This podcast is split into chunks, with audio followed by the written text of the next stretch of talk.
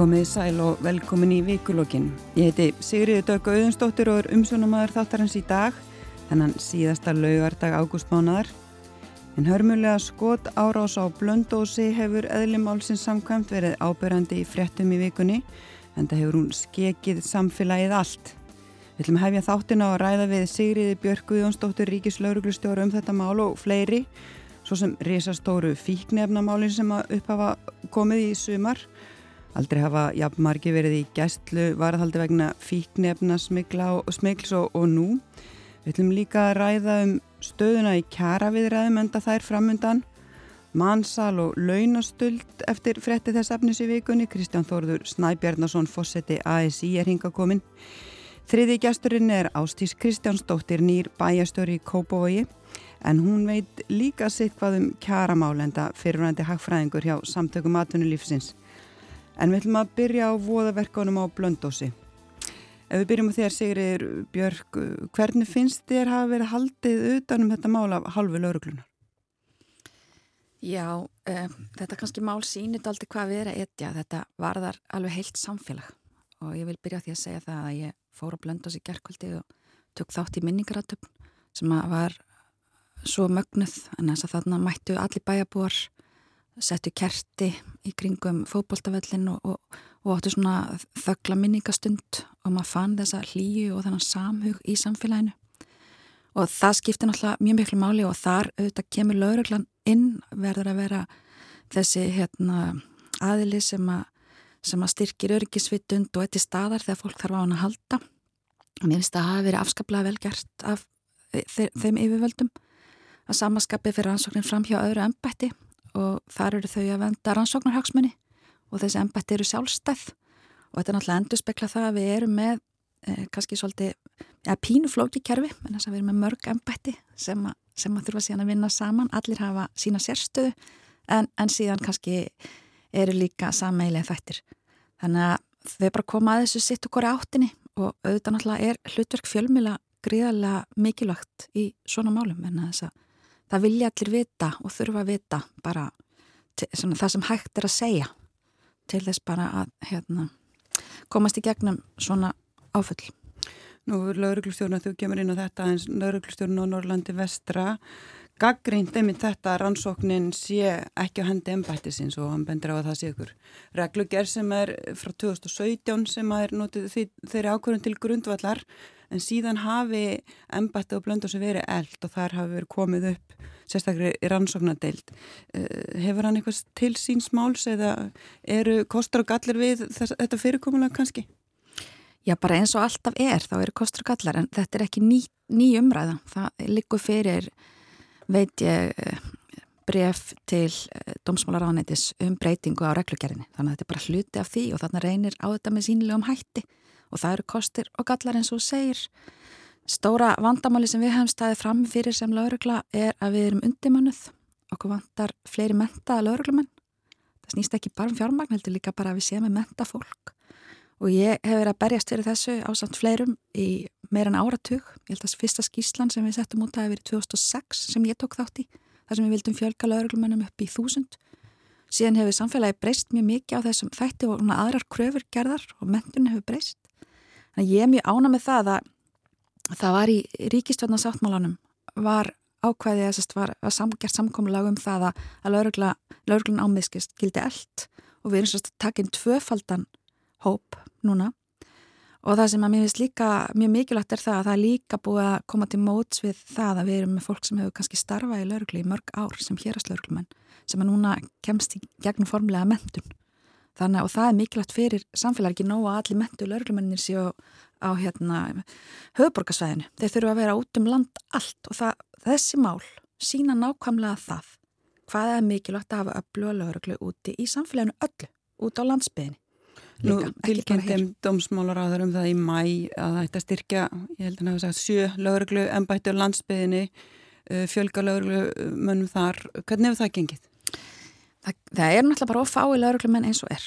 En við erum svo heppin að lögreglu námið er samstagsverkefni tökja aðla. Það er annars vegar háskólinu á Akureyri og það er fjarnám þannig að það var einmitt sett þar að hluta til til þess að landsbyðafólk gæti sótt þetta og þurfti ekki að flytja og svo hins vegar erum við með mentasettulegurglu sem heyrir undir mitt ennbætti og það er bara þannig að þegar lauruglumenn nefnar koma inn að þá fara þeir að vinna samhliða þannig að þeir eru að læra líka af félagunum þetta er ekki bara, bara verið að kenna einhver regla, það er líka bara fólk og þar, þar eru þjálfara sem eru að núti þannig að það mun strax styrkja að þessum hópi, að fjölgar í þessum hópi. En við þurfum virkilega að ebla þetta og ég var að koma á Norrannum ríkistörgstjórafundi núna á fymtudag og þetta brennur á öllum nákvæmlega þetta sama, fá mentað gott fólk til starfa. Og það er kannski mismunandi líka hvað þetta er eftirsótt og þar kannski kemur að launamálum og, og umhverfi eins og, eins og venjulega en það skiptir líka bara mjög miklu máli að, að, að fólk finni gleðina og tilgangin í starfinu sem sannlega er til staðar þegar lauruglan á rennarsvegar. En við komum aftur að þessu hörmulega máli á blöndósi, þú nefndir á þann að það hefði verið svona, það séu svona ólíkir, svona ólík nálgun uh, eftir lögreglu ömbættum, annars vegar lögreglunni um, uh, Norrlandi eistra hins vegar vestra. Um, lögreglustjórið náðu mitt á Norrlandi eistra, hann, uh, vestra segi ég, á blöndósi hefur beðist afsökunar á því að hafa upplýst fjölmiðlum döðs föll áður en náðast hafa í alla ættinga og, og það hefur tölverð umræða um upplýsingagjöf laurugli í tengslum við þetta mál. Hversu samræmt er verklag lauruglunum varðandi upplýsingagjöf í alvarlegum málum? Við höfum séð dæmi undarfærin ár þar sem að þetta er mjög vel gert og, og uh, önnur dæmi um það sem að er meiri svona einhvern veginn træða við að veita upplýsingar og kannski svona önnur viðþorf Hvernig horfir þú á þetta og, og, og er, um, er, er lauruglu stjórum í hver ennbætti svona bara sjálfs, sjálfsvald sett hvernig þessum málum er hátað? Já, í grunninn náttúrulega erum við bara með síðarreglur og þess áttar og, og okkar svona þennan faglega grunn og lögjöf sem að er samægileg en hvert ennbætti fyrir sig á hver, hvernig upplýsingagjöf skulle ha, hagaði hverju máli en það er ekki alveg verið að bera saman það er, ekki, það er alveg ekki að bera saman þessa stöðu fullkomlega vegna þess að annars verðastu með lauruglustjóra í héræði sem að þarf að halda utan um fólki sitt og róa fólk og útskýra og, og hérna passa að það fari ekki einhverja rángar sögur af stað sem að valda skada. Hins vegar ertu með lauruglustjóra sem að er að stýra alvarleiri sakamálaránsókn. Það sem að hérna, fólk hefur dáið og það skiptir greiðilega miklu máli að það sé að upplýsa það mál og þá getur verið mjög skadalegt ef það eru gefnar ofmiklar upplýsingar. Þannig að ég held að, að það væri bara að hafa þetta í og ég held að Lörgstjórn og Norrlandi Eistra hafi, hafi hérna, svarað ágætlega fyrir þetta núna en hún sagði bara einfallega að það er ekkert að segja á þessu stíi. Við erum ennþá bara að rannsaka það er líkengar konkrétu upplýsingar fyrir. Og að samaskapi held ég að Lörgstjórn og Norrlandi Vestra hafi svarað mjög vel þegar hann reyndi að, að, að svona hveða þessar eh, sögur í kútin með því að segja bara það sem allir vissu, allir vissu þetta á svæðinu í, í grunninn. Þannig að þau koma kannski aðeins með ólíkum hætti en bæði hafa eitthvað til síns máls. En er þörf kannski að, að, að svona þegar til að mynda rannsóknin er í, í, í, í nærumkörfinu segjum þess að ennbætti væri eitt og hið sama Um, hvernig er hægt þá að samræma þessu upplýsingagjöf annars vegar til þess að miðla upplýsingu til anmennings, róa og, og svona treysta samfélagið uh, og hins vegar geta rannsóknar hagsmuna. Þetta, þetta er erfið svona sjónarmið að svona uh, fella saman. Mér hefur eins best, ég er búin að vera lengi í þessum bransan, mér hefur eins best að þeir sem að vita mest um málið séu þeir sem svara fyrir það. Þeir vita nákvæmlega hvað rannsóknar hagsmuna eru, hvað hefur komið út í hverju yfirheyslu, hvað má segja, hvað má ekki segja þannig að það sé bara þeir aðilar sem að, sem að eru næst málinu sem að vita best um hagsmununa sem eru undir og það hefur bara reynst allavega mér vel en auðvitað hérna, getur þurft að kalla til annars konar sjónarhótt en á milli. Nú í tegnslu þetta mál uh, hefur líka verið svona umræðum um skotvapna eign sem er mikil hér á Íslandi Uh, án þess að við séum að lesa eitthvað sérstækt í þetta mál. Þessi umræða hefur líka verið á, í löndunum í kringum okkur, svona fjölgun á, á voðaverkum. Um, er það sérstækt áhugjafni hér á landi sko, í ljósið þessar þróuna sem við hefum að sé, sé í kringum okkur?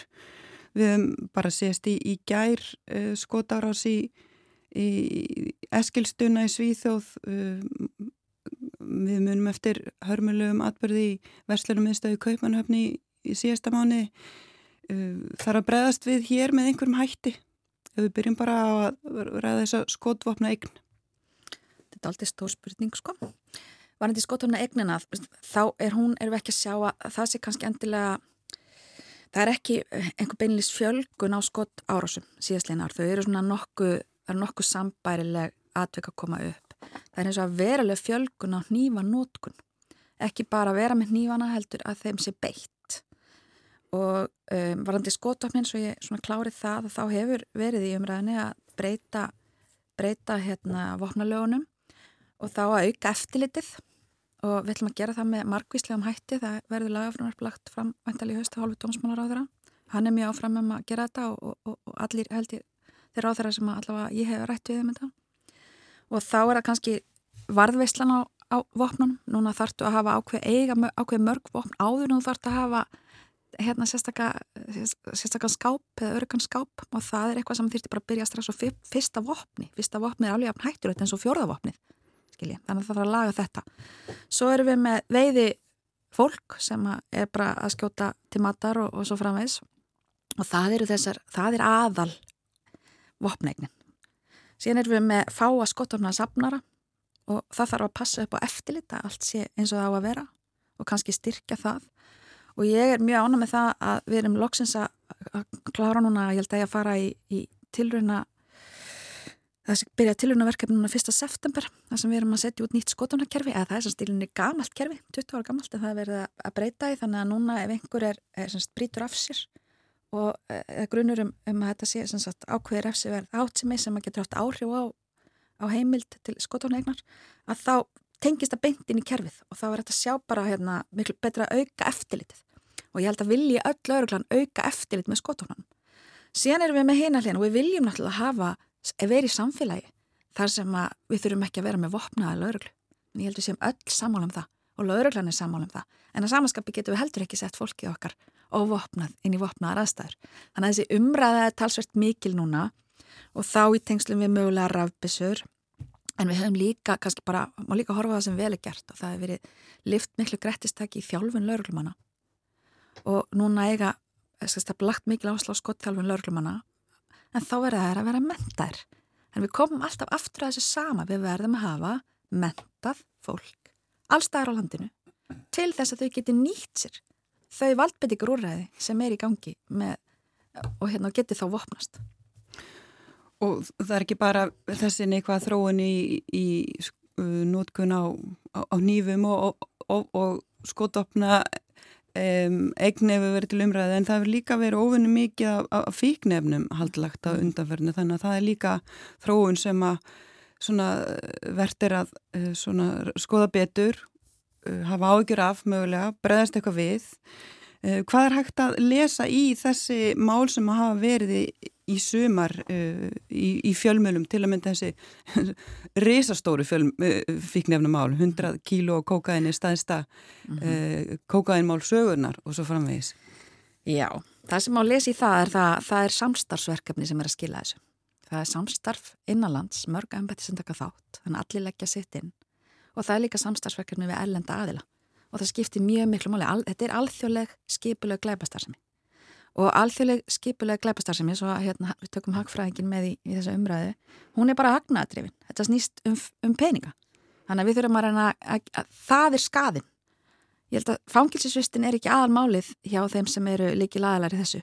Það er að það sé ekki tekni peningandir þannig að við þurfum að tengja þetta betur saman, leggja meira áherslu á, á þetta og þessi, þessi mál hafa, hafa hérna, tekist mjög vel og fólk má ekki ruggla saman, þetta eru, þetta eru sko hörð efni þetta ekki, tengist ekkert þegar við erum að ræða afklapavæðingu á, á, á hérna sagt, öðrum efnum fyrir, fyrir hérna, jafnvel unga neytendur. Þetta er bara algjörlega ger ólík umræð. Þetta er hagnaðadrifin skipuleg brotastarðsemi og eina leiðin til að ná árangri í þessu er samstarf þvert á ennbætti og á milli landa. Og þetta, þessi dæmi sem á komu upp eru afrástur nákvæmlega af því. Þannig að það þýðir ekki endilega þessu, þessi fíknefna heimur sé að breytast eða stækka þessi mál sé að verða alvarlegri heldur breytt aðferði rannsókn mála, fyrst og fremst eitthvað. Það er ímislegt og líka bara samstagsæðalar ellendir að taka okkur kannski vera tilbúinir að horfa, 100 kíló er ekki mikið fyrir spænsk eh, yfirvöld en þeir voru samt tilbúinir að vinna með okkur í þessu. Við erum með tengifulltrá hjá Europalörglunni sem hefur staðið sér frábælega og er að hjálpa til. Við hefum heldur ekki gleyma því að tollurinn er með mikilvægur aðili í þessu. Þannig að þetta snýst allt bara um samstarf, algjörlega, af því að ef við, reynum, ef við hólfum okkur ómikið niður, að þá bara eru við ekki að sjá heildamindina og þá eru við ekki að ná þessum árangri. Þannig að ég er mjög ána með það hvað í rauninni samstarf hefur að þróast í góð átt og hvað við erum bara með gott fólk sem, a, sem er að vinna þessi mál og áherslan á skipla og brotast þessum, ef við skoðum bara áhættum að greiningadeildar, þá er hættan á hriðiverkum ekki talin mikil hér á landi en hins vegar er þeimun meiri hætta og áhyggjur af skiplaða brotastarðsemi og þetta er ekkit nýjumræða, hún er búin að vera, vera lengi. Þú nefndir einnig áðan að nýfa um, á málum hafi fjölgað, uh, við sáum nýfstungu mál í miðbænum og menninganótt sínir talfræði lögurgluna þessum brotum sé að fjölga? Já, við sjáum það, við sjáum mikla fjölgun í nýfamálum og höfum miklar áhyggjur af því. Og hvers konar máli er þetta og, og hvaða skýringar hafið á þessu, þessar aukningu? Þetta eru alls konar mál, en við hefum alltaf mjög mikla áhugir á unga fólkin okkar.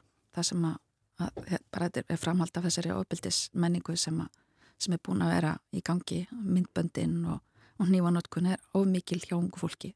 Þeir hafa búrið nýva áður en kannski meiri nótkununa, en svo er þetta líka bara átök um þetta á milli, milli fólks, gleipa, gengja og þess að það er hérna, þetta er bara alvarlegt og við höfum ágjur á þessu og erum með þessi umræðið mjög mikið í gangi innan lauruglunar hvernig við getum passað upp á okkar fólk og hvernig við getum reynda fara í þessa varnir. Við erum ekki alltaf bara að rannsaka málinn eftir að þau hafa gerst. Reyna að byrja fyrr, greina, fara í samstarf. Ég til dæmis mjög mikið latáandi farsældarlagana.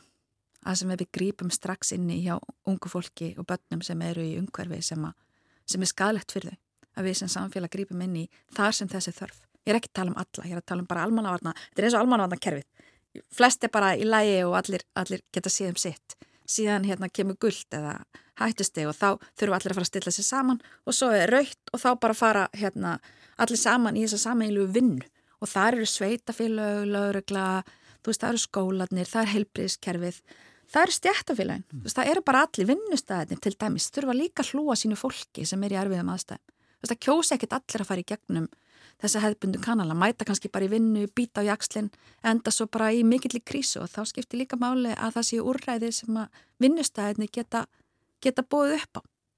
Fyrir maður séu til þín ástíðsvarandi þetta sem, sem Siri Björk að segja, svona ábyrð sveitafélagana, forvarnir og hvernig getur við hlúða unga fólkinu og svo í rauninu svona bara viðbröð við þessari þróun sem að uh, hún er að benda á aukin nývanótkun, ofbeldismenning og annað hver, hvert er hlutverk sveitafélagana í, í því að stuðla að uh, svona betri menningu meðal unga fólksins og forvörd, auknum forvörnum? Já, um, ég held nú fyrst og fremst þetta skiptir mjög mjög máli að það sé gott samstarf milli sveitafélaga og lauruglunar og, og ég ætla nú að, að svo sé. Um, ef ég horfið svona gagvart bæjarfélaginu mínu, Kópavogi, þá höfum við lagt ríka áherslu mitt á forvarnir og við erum með mjög metnaða fulla forvarna áallun sem er, er sem sagt, inn í öllum grunnskólum Kópavogs og svo líka höfum við líka eh, lagt ríka áherslu á það að taka móti íbúum sem eru kannski ekki með eh, íslenskuna sem sitt móðumál. Ekki bara þannig að við tökum utanum börnin sem eru að flytja til sveitafélagsins heldur ekki síður fóreldrana. Og, og ég held að þetta skipti auðvitað alveg gríðala miklu máli að, að við horfum til þessara þátt og, og hérna og já og bara leggjum áherslu á forvarnir og að taka á móti e, íbúum sem að eru ekki með íslenskuna sem sitt fyrsta móðumál til að þau aðlæðist að þetta bara samfélaginu og það skiptir öllu máli. En við tölum svona um þessa þróun sem að verist svona, uh, svona vera allan að vísbendingar um við sáum umræðu á, á menninganóttu mikla úlingadrykju, við hefum ekki séð það þetta aldrei langan tíma, náttúrulega hefur ekki verið mikið í gangi undarfærin tvö ár. Eh, það voru fréttir síðustu tvær, þrjár helgar um, um úlingaparti í elli árdarnum, það sem var mikil ölfun eh, erum við svolítið búin að missa þetta úr höndunum? Hvað var þar þessa forvarnir, við erum við búin að leggja mikla áherslu á svona forvarnir gegn hörðum efnum í staðin fyrir að halda áfram kannski líka forvarnum um áfengisneislu ef við bara byrjum á því svona kannski hvað hva var þar svona nær samfélagið ástýs ef að um, er jafn mikil áhersla á forverðnir í, í, í samfélaginu eins og kannski var hérna fyrir hrun eins og nú talaðum um að að það hafi verið dreyið úr, úr fjárframlöfum til forvarna í kjölfarhundsins og síðan hafi það kannski ekkert skila sér aftur. Um, hvernig sér þú þetta?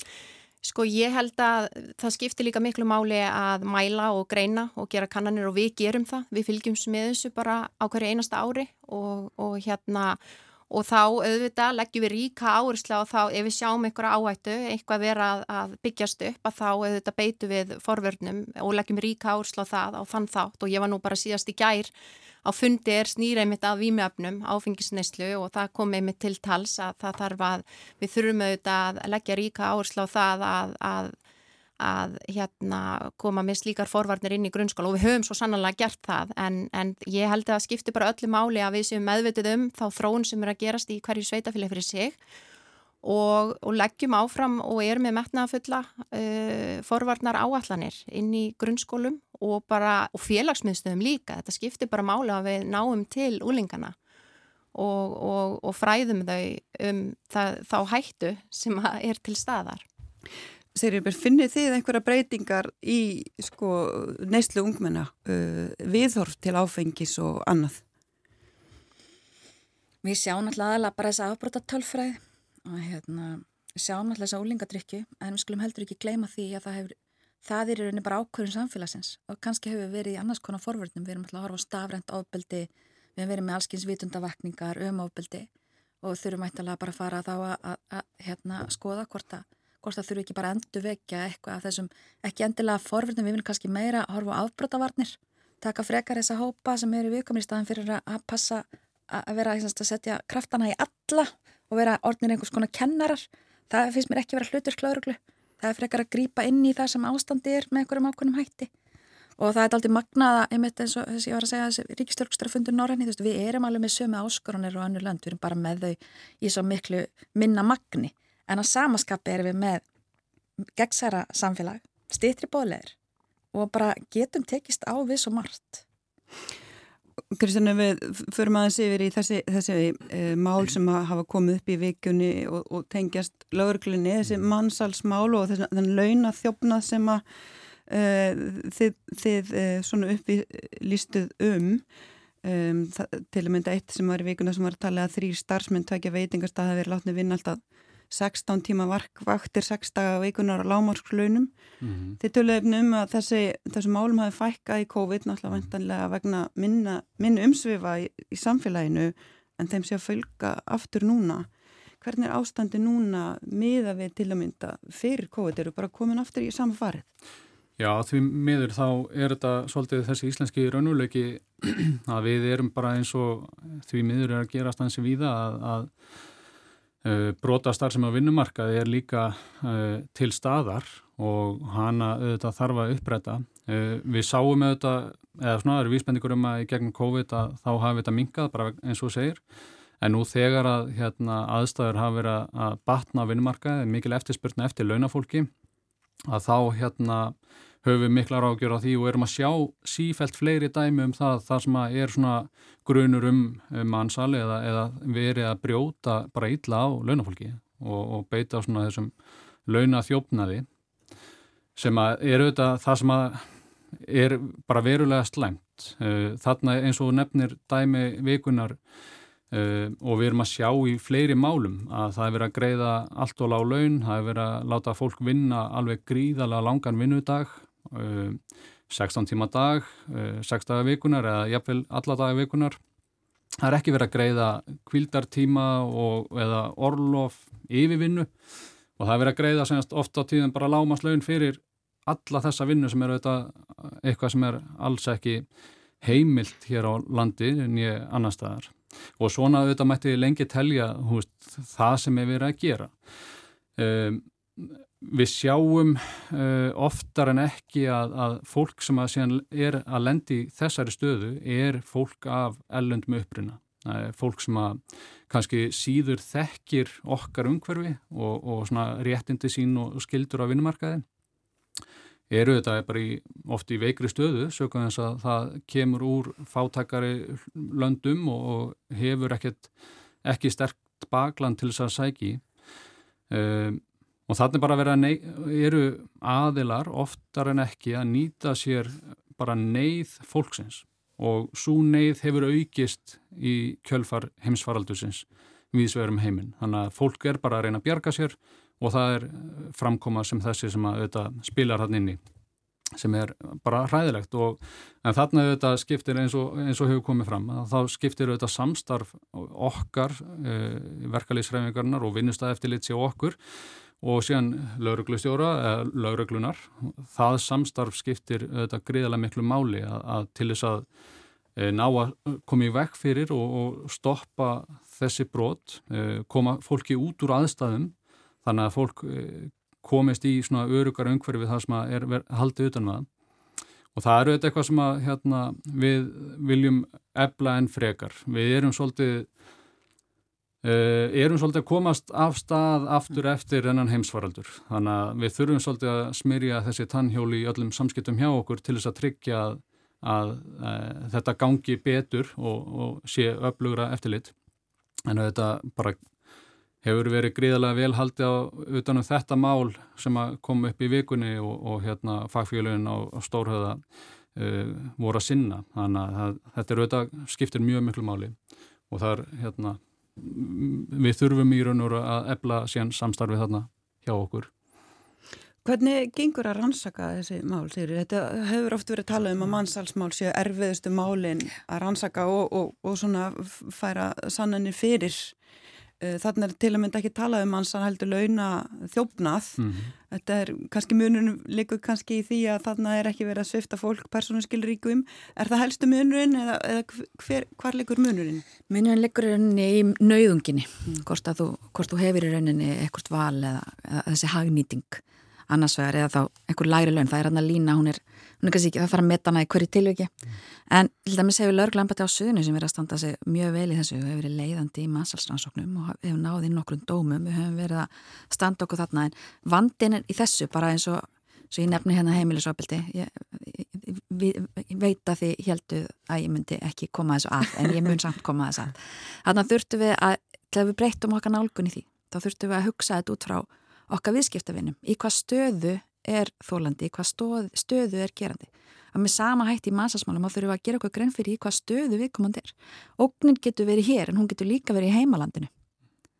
Og það er bara mjög erfitt að byggja vætti fólks sem að hefur engin úrræði. Og jápil þó aðstæður hér séu hræðilar fyrir viðkomandi og geta samt verið betri heldur en það er aðstæður sem það er að koma úr. Þannig að það hagsmunir af því að starfa með lauruglu eru svo litlir og vendin þarf að vera svo mikil og við getum ekki verið allstaðar alltaf og hvað þú heldur í öðrum löndum. Þannig að hérna, það sem að þarf að gera er að efla okkar rannsóknar getu. Þannig að við getum tekið þessar stóru rannsóknir í lengri tíma og tryggt á sönnun þannig að það sé ekki svona mikið sem að veldur á frambriði brotaþóla. Það er það sem mm. þjóðarnir í kringum okkur hafa verið að gera. Er það, er það í rauninu þarf að breyta lögum til þess að það sé hægt? Í einhverju leiti þarf að breyta lögum og hérna og það fyrst og næst átt að sá því þetta eru tímafrekal rannsóknir og þetta snýst um peninga. Þú getur selgt sem er manneskjuna oft, þetta snýst um peninga og þetta snýst líka um fræðslu, þetta snýst um öryggi þannig að það er búið að gera fullt af hlutum að reyna að nálgast fólk og að tryggja það og reyna að halda betur utanum það en þetta eru mjög erfið málisannin ekki bara hér heldur alls starfnastar. Og það sem að skipti líka rosalega miklu máli í þessu er að við þurfum að epla lögjöfina í kringum það þegar uh, er verið að brjóta á launafólki. Þannig að þegar við erum að stunda launaþjófnaðin að það vantar algjörlega uh, viðlög við því að því að nú er það þannig að ef að fyrirtæki greiðir ekki rétt laun eða, eða já, heldur ykkur eftir að það sem að gerist í raun og rauð þá sækja stéttafélagin á það og, og fá þá leiðréttingu sem að launafólk átti raunverulega að fá en það kemur ekki til viðbótar, það kemur engin refsing fyrir fyrirtækið til þess að koma í vekk fyrir það að viðkomandi gerir þetta aftur. Og hvað gerist þá næst? Jú, held, þetta heldur bara áfram að um, þegar er vísvitandi verið að brjóta fólki að þá munu suma aðlar halda þessu áfram ef það verði ekki einhver, einhver fjövíti sem eru greitt við þær aðstæður. Og þess vegna höfum við barist fyrir því núna undanfærtum árum uh, settum það inn í, inn í lífskjara samningarna síðast að, að, hérna, að það veri, lögum verið breytt og tekin verði upp svo kvöldu fjövíti en því miður að þá hefur það ekki gengið eftir, við höfum ekki náð uh, sátt um það og, og hérna það verður bara því mér að segjast eins og er að, að samtöku aðuninsins hafa staðið gegn því að, að taka upp raunverulega breytingar sem að kæmi launafólki til góða og það er eitthvað sem að hérna, við þurfum sem samfélag, við þurfum að gera breytingar til þess að, að stoppa þetta. Ástís, er þetta eitthvað sem þú kannast við að samtöku aðunlífsins, þú er náttúrulega nýkomið þannig þannig að við ætlum að fá kannski að nýta, nýta þann bakgrunnin aðeins í þessu samtali líka. Já, og ég vona svo sannlega við tölum um kjara við það framöndan og eftir. En þetta er auðvitað ekki rétt og Kristján veit það. En það sem að kannski ég vil koma inn á í þessu efni er nú er verið að ræða hér um laun og þjófnað og framgang fyrirtækja, hvernig fyrirtækja hafa komið gagvart sínu starfsfólki þá eða þetta bara finnst mér svona blasa við að ég spyr Kristján á móti, nú hefur framganga fóristum hann eblingar hvert sínu starfsfólki ekki verið að mínu mati e, eðlileg og, og í raun óásettanleg þar sem að annars veri hefur verið farið í hópu uppsagnir hvert starfsfólki á skrifstof eblingar án ástæðu. Nú þá er rætt hér launathjófnar, já ég gæti ekki lesi betur en að það var verið að brjóta á starfsfólki, fyrir um starfsfólki eblingar með því að greið ekki laun, eða sem sagt launatengt gjöld lífeyris yðgjöld. Eh, það var ekki fyrir að starfsfólkið eh, bendi á það að það var farið í að endur greiða slíkjöld en það sem kannski mér finnst mikilvægt að heyra frá sítjandi fórsett ASI hvað finnst þér um framgöngu fórustu manna eblingar gagvart fyrir um starfsfólki og núverandi starfsfólki á skrifstofu eblingar? Fordamur þetta eða er þetta allt í lægi ef þetta snýra stjættafélagunum? auðvitað er uh, allar hópuppsagnir og, og maður hefur komið inn á það það er eitthvað sem á auðvitað ekki að líðast en hins vegar þá er það ekki heldur rétt hjá þér það sem það segir um, um hérna, að sé ekki staðið skilum á gjöldum uh, það sem að varandi þessa lagabreitingu sem við vildum fá, fá í gegn uh, á, og byrtust í starfskjara lögum þar komuð þetta bara fram að, að samtökin unnu gegn því að það kæmi raunveruleg aðgerð inn í laugin til þess að, að uh, já, væri hægt að beita fjeviti. Uh, þannig að það er eitthvað sem við verðum að fána í laugin. Þannig að þegar það verið að vísvitandi verið að brjóta á fólki að þá á að koma eitthvað fyrir það. Og það er eitthvað sem að uh, hefur bara ekkert komist í gegn og ég auðvitað sá að, að hérna, félags- og vinnumarkaðsráð þeirra var að tala um þetta í fréttonum í gær þar sem hann vísar til þess að það þurfi að ná breytingunum og, og það þarf svo sannlega að ná raunverulegum breytingum. En, en má ég aðeins því að ég var með spurningu til Kristján sem hann sannlega svaraði ekki fyrir því nástaða fordamir þessu, framgöngu Ég hérna svaraði þessu að, að hópuppsagnir eru aldrei að finna góða, góða og það er alveg bara sama hvar það er. Eh, það á alltaf að leita leiða til þess að tryggja störf og, og stöðu fólks þannig að það er eitthvað sem þarf svo sannlega að gera allstaðar. Og standa skil og ofinbyrjum gjöldum að sjálfsögðu. Já, ég held að þarna sé eitthvað sem hefur nú bara komið fram að, að hafi verið mistök hjá einhverjum framkvæmda aðeila og ég held að það sé ekki vísvendandi gert. En þetta er náttúrulega þessi umræð hluti af svona þeirri óeiningu sem hefur verið innan verkalýsarfingarnar að undanförnu og, og drífa snædal uh, forverið þinn í, í fórsetastól sagði af sér embætti uh, sem bein afleiðing af, af þeirri umræði og þeim átökum sem átt sér stað innan verkalýsarfingarinnar Um, hvaða afleggingar til þú að afsökt drífu hafi annars vegar inn í reyfingunum sjálfa og, og hins vegar út á við bæði mm. gagvart launafólki og líka mögulega gagvart svona viðsemjumdum í, í kjara viðræðum? Uh, já, þetta staðan innan hreyfingarnar og, eh, og afsögna fórsetta á þessum tíanponti eru þetta alls ekki, alls ekki góð. Uh, maður hefði viljað auðvitað að fórseti hefði sendt vinnunni út tímabilið og, og þannig að breytingar hefði orðað á þeim tímanponti.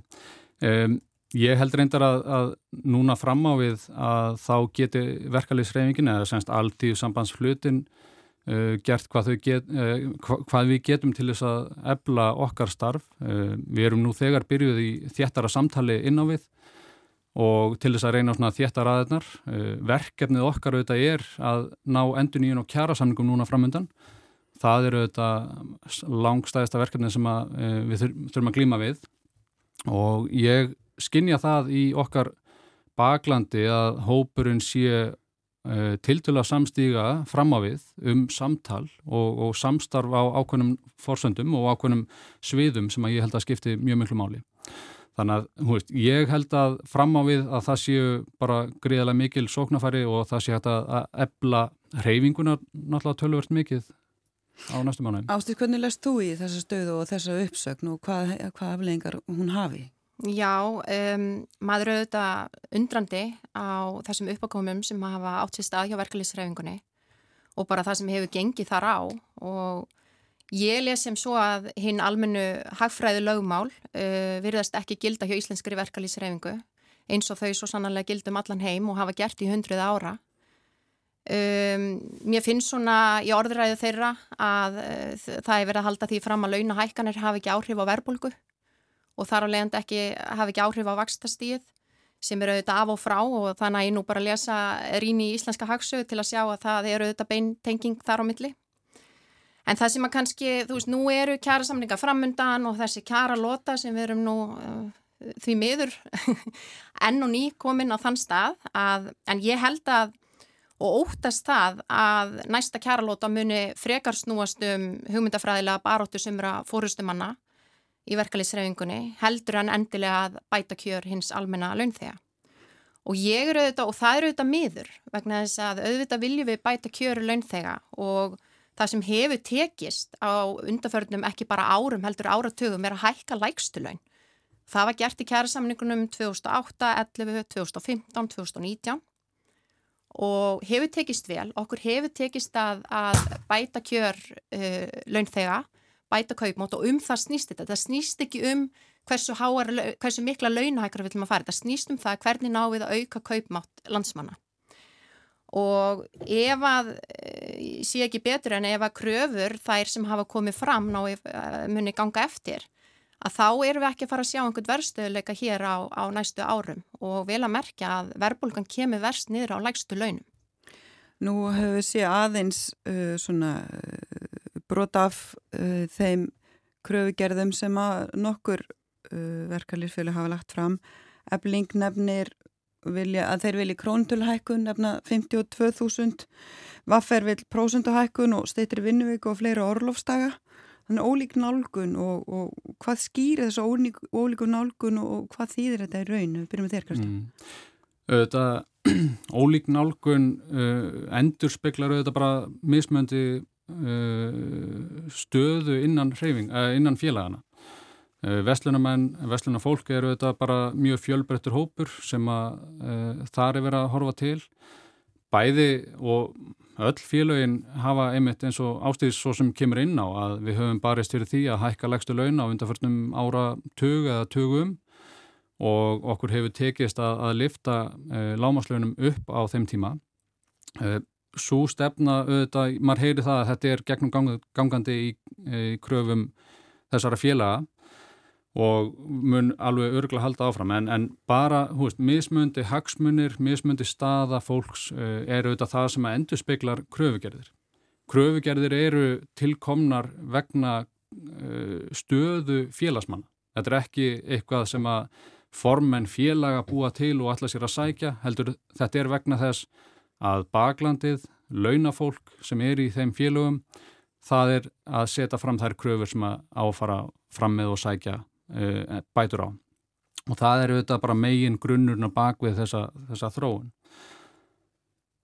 Þannig að það, já, þetta er veist, það er eitthvað sem að er bara staðan. Og, og ég menna við sjáum auðvitað, það er verið að tala um styttingu vinnuvíkunar, það er verið að tala um uh, hækkun á laununum og, og svona mismöndi áherslur hvað þetta var þar að þú nefndir á þann að það hefði verið svona áhersla á hækkun lægstu launa undarförin ár hvernig er með besta móti svona fyrir, fyrir uh, heldar útkomu af nýjum kjæra samningum hægt að útfæra það uh, krónutala, prósundahækkun uh, hversu mikið það ríkið komið inn í og að hvaða leiti hvernig sér þú fyrir þér að, að þið voru nú í þeirri stöð að vera laus úr því að vera í beinu amstri þannig. Já, já. Það er kannski bara að segja heldur en að láta verk fylgja. Hvernig sér þetta svona utanfrá sér núna? Já, um, sko í fyrsta legi tel ég að ríkið eru þetta ekki uh, hluti á þessum kjara viðræðum. Þetta eru þetta bara samtala á milli verkalýsreifingarinnar og, og samtaka atvinnlýfsins. En uh, þú réttilega bendur á, við erum búin að vera hér að, að hækka og leggja ríka áherslu á að hækka legstu laun vegna þess að það hefur almennt verið krafan og það hefur sannanlega tekist og hér ríkir mikill jöfnuður á Íslandi, tekijöfnuður. Eitt, eitt svo mest er tekijöfnuður í heimi. Við erum með meiri tekijöfnuð á Íslandi heldur en á hinum Norðurlandunum. Um, ég skil vel að vaffer er að, byð, er að óska eftir uh, prósenduhækunum vegna þess að síðast var farið í krónutulahækanir og þetta félagsmenn vaffer fengu talsvert minni launahækkanir og minni kaupmáttar, eh, ja, ég veit ekki hvort það var, hvort það var ekki bara kaupmáttar rýrnun sem að félagsmenn var fyrir vingu vegna þess að það var farið í slíkar krónutlækkanir. En í, sko, þegar við erum að ræða laun og rými til launahækkana þá verðum við að horfa á þá verðmættasköpun sem er eigast í stað í hækjörfi okkar í efnarslífinu. Og verðmættasköpun er ekkit annað við horfum til landsframleyslunar og, og hérna hvað erum við að framlega hverjum tíma á per haus eða per landsmenn, á, á landsmenn eða sem sagt með við íbúafjölda og það er í raun það ef ég horfi svona ut, utanfrá að við eigum að horfa til þess og í hennu fullkomna heimi ættu við alltaf að stefna því að horfa til undirlikjandi verðmættasköpunar og í, laun, í raun að laun og launahækkanir eiga að fylgja þeirri verðmættasköpun sem er eiga sér stað hverju sinni. En nú erum við að tala um að það séu samningar framöndan í umhverju sem er svona kannski frekar óhagstætt samningum. Eh, stýrivaksta hækkanur upp á sko fleiri, fleiri prósentusteg og undanförnum missurum 0,75% steg í vikunni. Vöruverði hefur hækkað afborgarnir að lánum hafa hækkað. Um, hvernig er hægt að finna eitthvað, sko, eitthvað samningsflöt þarna í þessu krefendu umhverju sem við erum í? Mér finnst þú eiginlega bara að lýsa því nákvæmlega eins og þetta er staðan að það er afskaplega takmarkað ef eitthvað rými eins og sakir standa. Og ef að það verður farið í ofbrattar launahækkanir þá hefur nú beinleginni Sælabankastjóri sagt það að þá munu, mun Sælabankin hækka en frekar vexti.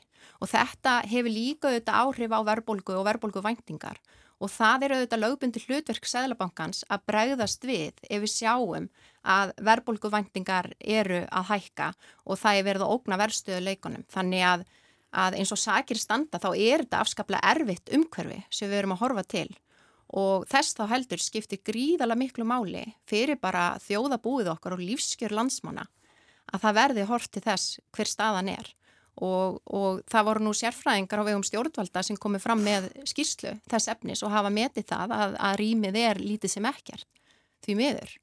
En ef við rýnum aðeins í sko verðbólguna og hvaðan hún er sprottin í dag uh, Sælabankin vissulega búin að hækka núna stýrjavexti í áttaskipti á síðustu hvað einu og halvu árið eða svo uh, Verbolga var fyrir nokkru mánuðum fyrst og fremst megnunu til vegna húsnæðisverðs og húsnæðiskostnaðar og, og mikillar hækkuna þar sem eru auðvitað einn ángja því að Sæðlabanki fóri alveg gríðalega mikla lækkanir á, á vöxtum.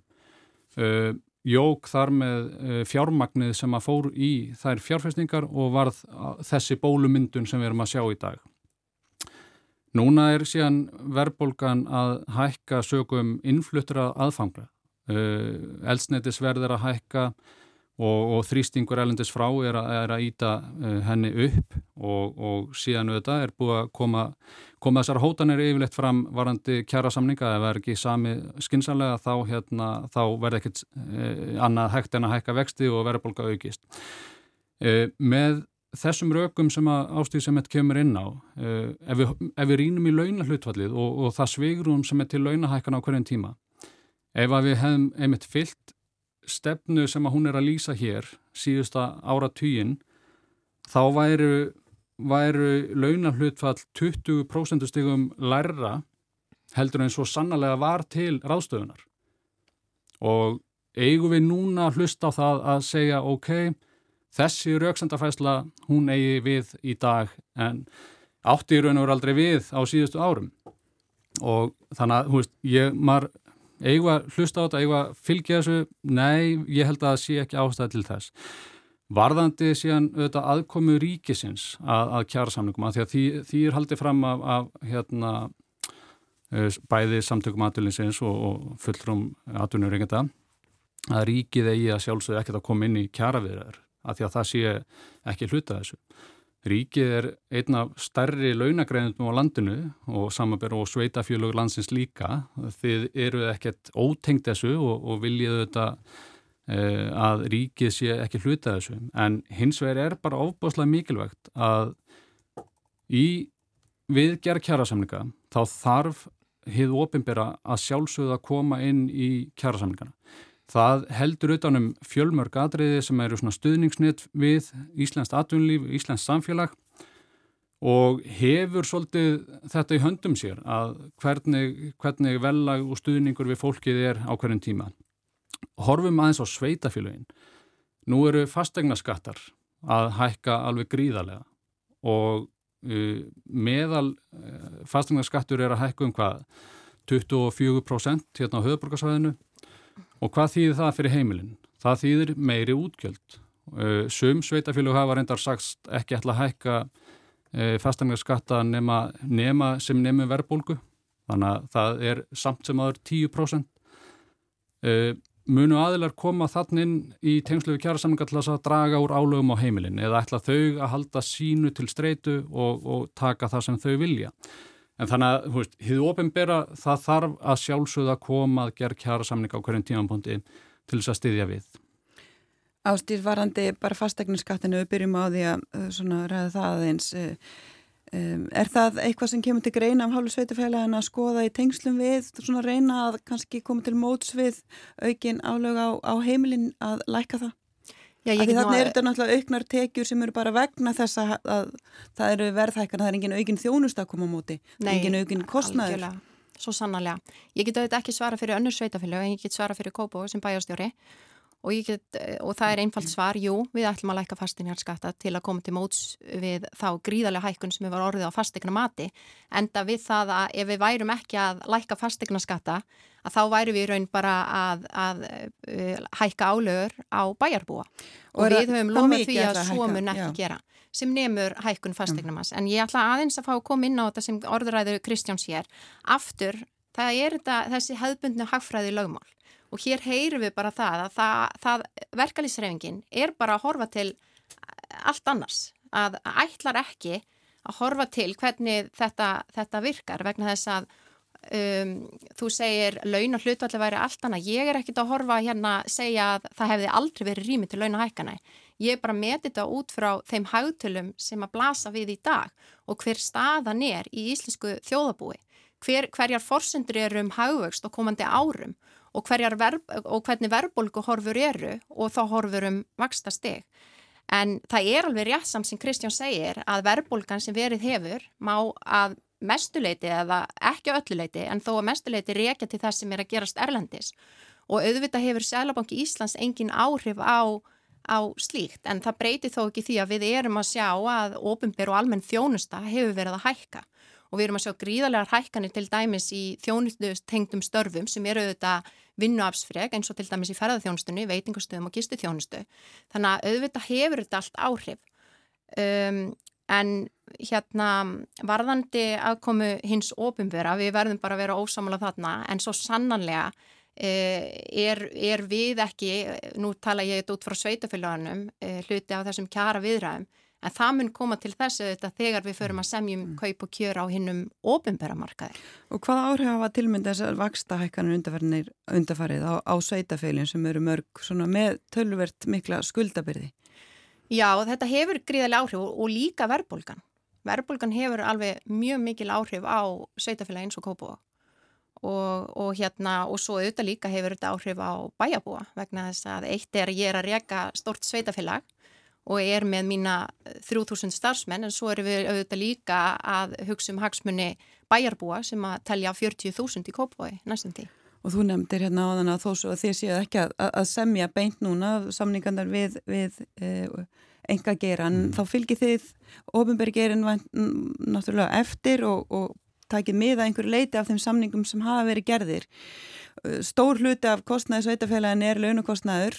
Hversu mikið þetta markumtalaða sveigurum sem er deilt um alltaf, eh, hversu mikið sveianleiki er hjá sveitafélagin að hækka laun og og sjáu þið fyrir ykkur eitthvað aðra nálgun eins og til að mynda Vaffer hefur lagt til enn meiri stýtting á, á vinnuviku eða fjölgun orlofstaga eða er þið farin að ræða þetta einhverju marki? Nei, en auðvitað er maður, eru ég sem bæjastjóri að fylgjast með e, þeim kröfum sem nú koma fram og eins og réttilega bendra á svo eldir ofinberi markaðurinn Um, en til að svara því þá er sögrúmið afskaplega lítið þannig að ég bara horfa á ákomu sveitafélag og maður sér það að flest sveitafélag eru jafnvel reygin í halla uh, eða svo rétt, svo réttum einn við nullið. Uh, ég tók það nú bara sama fyrir Kópásbæ að laun og tengt gjöld eru ríflega 70% af skattekjum sveitafélagsins og þetta eru þetta lang, lang starsti útgjaldaleðurinn hjá okkur. Um, það sem að sko, skiptir öllu máli í þessum efnum er að, að horfa til þess hvaða rými er til launahækana, ég get bara sagt að beint út, það er lítið rými hjá sveitafélagunum og það nægir auðvitað bara að horfa á, á rekstur sveitafélag en svo nefnuru stýttinguna að auðvitað var gengið lengra í stýttingu á hinnum ofinbæra markaði. Og stýttingin kostar alltaf sitt, þetta er ekki þannig eins og stýttingin sé ekki e, kosti ekki neitt, þetta hefur auðvitað líka áhrif á þjónustu við bæjarbúa. Og þannig að við verðum þá, ef að þá koma til einhverjar eh, frekar í stýtingar þá þarf auðvitað líka að vega og meta hvað áhrif það mun hafa á þjónustu sveitafélagana og hvaða, í, hvaða áhrif það hefur sem sagt í formi launahækana. Þetta er nú ekki þannig eins og þetta sé bara einhver hérna eh, eitthvað töfur, hvað segir maður, svona eitthvað sem hægtir bara svona töfra fram, þetta hefur þetta áhrif. Það er kannski áhugavert að spyrja að Sýri Björg um út í út frá þessari styttingu hjá vinnuvikunar, hjá ofinbjörn starfsmennu, nú er talað um að þetta er verið krefjandi að útfæra hjá sko, stopnunum eins og lauruglunu, eins og spítölunum, það er uh, sérstaklega fólki vaktavinu, hefur þurft að fjölga fólki á móti og, og, og sko, skortur á fólki nú þegar. Hvernig hefur þetta gengið á ykkur? Ég, það hefur gengið á ymsu, verði að segja, vegna þess að það er kannski mest ánægin hjá dagvinni fólkinu En á móti kemur að við erum þjónustustofnun. Lauruglan er að veita þjónustu og það er alltaf verið að gera meir og meir kröfur til þjónustunar. Hún þarf að vera hröð og, og tafir geta haft mjög alveglega áhrif þjón, þjónustu þegum. Þannig að auðvitað þegar þú mingar vinnumagnið þá, þá, þá eikst ekki málsæðin á sama tíma. En kannski það versta var hjá okkur var að, að því að við erum eins og fá að mentaði lauruglumenn að þegar við þurftum að fjölga vöktunum að þá er rauninni hurfu á hverjum stöðugildi Og, en auðvitað skipti máli hver vinnutímin er en, og það komið fram svona andstasjónami sem eru bara mjög ánæðir en hjá öðrum hafa þeir þurft að fjölga mætingum til dæmis, þurft að bæta við helgarvin, helgum til að vinna til þess að hérna út af þessum, þessari styrtingu. En þetta hefur verið talsvægt umdelt hjá okkur og hjálpa nú ekki til þegar þetta er mismunandi að því að ennbættin eru sjálfstæð og svo er fólk að flakka á milli. Þannig að hérna, það er svona eins og það er bara. En þetta kostar, það er alveg sama hvernig við lítum á þetta, þetta kostar. En auðvitað er við líka náttúrulega að horfa á það að um leiðu að við, hefðan starfsfólki verið heim þá gerist ekki neitt, en auðvitað þurfum við að hlúa fólkin okkar og passa það að það sé gert eins og vel og hægt er, passa þessa kulnun og, og hérna og þetta álag, öll þessi álagsenginni og þreytu, þannig að styrtingin er eitt þáttur í því, annað getur verið einhvers konar heimavinna, þriða getur verið meiri stuðningur. Eh, veist, það er bara allskynns eh, hérna, möguleikar í gangi. En ég held að þetta er samílir hagsmunur okkar allra að þetta sé vel gert. Verður þetta stór hlut af umræðunum, stór þáttur í umræðunum, eh, viðræðunum, kullun, álag uh, í, í komandi viðræðum? Já, já, ég get alveg trúið að vinnutíma málinn verði þátt hluti af, af þessum viðræðum. Þetta skiptir náttúrulega mjög mjög mjög máli að fólk vil vinna minna og hafa meiri frítíma en án þess að launin skerðist þannig að þetta skiptir auðvitað mjög miklu máli og ég ger á fyrir að það verði eh, reynd að sæki þetta, auka ollofið og ímis önnur atriði. Mm. En auðvitað útgangspunktun í þessu öllu er að, að vinnutíma, eh, hérna, við þurfum að fara í að skipta kökunni og hún sé rétt skipt og þannig að launafólk fái sitt. Svona alveg að ljúka hjá okkur langar að svona rétt að heyra hvað þið ætlaði að gera það sem eftir er helgar en eftir, eftir er lögadagsins og, og sunnundagsins. Ertu með eitthvað skemmtileg blöðun? Já, heldur betur. Eh, ég ætla nú bara að byrja því að fara á Hamraborg Festival sem við vorum að opni gæra og verður alla helgina afskapla fjölbreytt og skemmtileg dagskrá og ég hveti alla til að mæta og skoða. Við erum sem sagt með hérna alls konar viðburði, listaviðburði bæði samstarfi við fyrirtækni í Hamraborginni og sem og þetta í menningar húsum okkar Nú svo ætlum ég að fara á byggarústutaleitt kvenna, breðablik valur og eins og þið sjáðu hvernig ég er klætt þá blasir alveg við hvaða lið ég ætla að halda með í dag. Þú semst ekki í rauðu? Nei. Sýrið Björg, er þú með skemmtilega áform? Já, ég ætla að reyna að hafa eins lítið prógram og hægt er og vera bara eins að heima hjá mér og, og hérna svona kjarna mig, ég er búin að vera miklum ferðalögum. Ég sakna E- eins úr COVID og það var hérna, það, var, það voru engin ferðar mér finnst þessi ferðalög hérna, mjög íþingjandi og á allt annað þannig að ég ætla að reyna að vera bara eins mikið heim og ég get en mér langar að þess að nefna við áslýsi í lokin að litla fjölskylda mín var að flytja í Kópá ákaflega ánætt bönn í skóla og velteki á móti þannig að þið er alveg hróskili Það er frábært, gott að heyra Kristján Já, ég ætla hérna, að skella dóti í bílinn og bruna upp í borgafjörð skella mér í útilegu í nótt og, og bara reyna að njóta náttúrunar með, í góðri vinna hópi. Þannig að Ég get nú samt ekki sleftir án svo að spyrja hvort að þú ætlar að bjóða þig fram til fórseta þessi. Ég er ekki búin að taka neina ákvörðun um það. Þannig að það er eitthvað sem að, maður þarf þetta bara að fara að skoða mjög vandlega hvað maður gerir. Ertu spenntur fyrir því? Feld. Þetta er alveg áhuga, áhugavert uh, ennbætti. Uh, þannig að sjálfsögur maður er alveg spenntur en, en maður þarf líka að skoða hvað maður er að gera hjá raðvinnarsambandinu og, og þau verkefni líka. Þau eru mjög spennandi líka. Við ætlum að segja þetta loki, þessu lokið hjá okkur í dag og þakkum ykkur fyrir komuna Sigriður Björg Guðjónsdóttir, Kristján Þorður Snæbjarnason og Ástís Kristjánsdóttir. Takk fyrir okkur. Takk fyrir.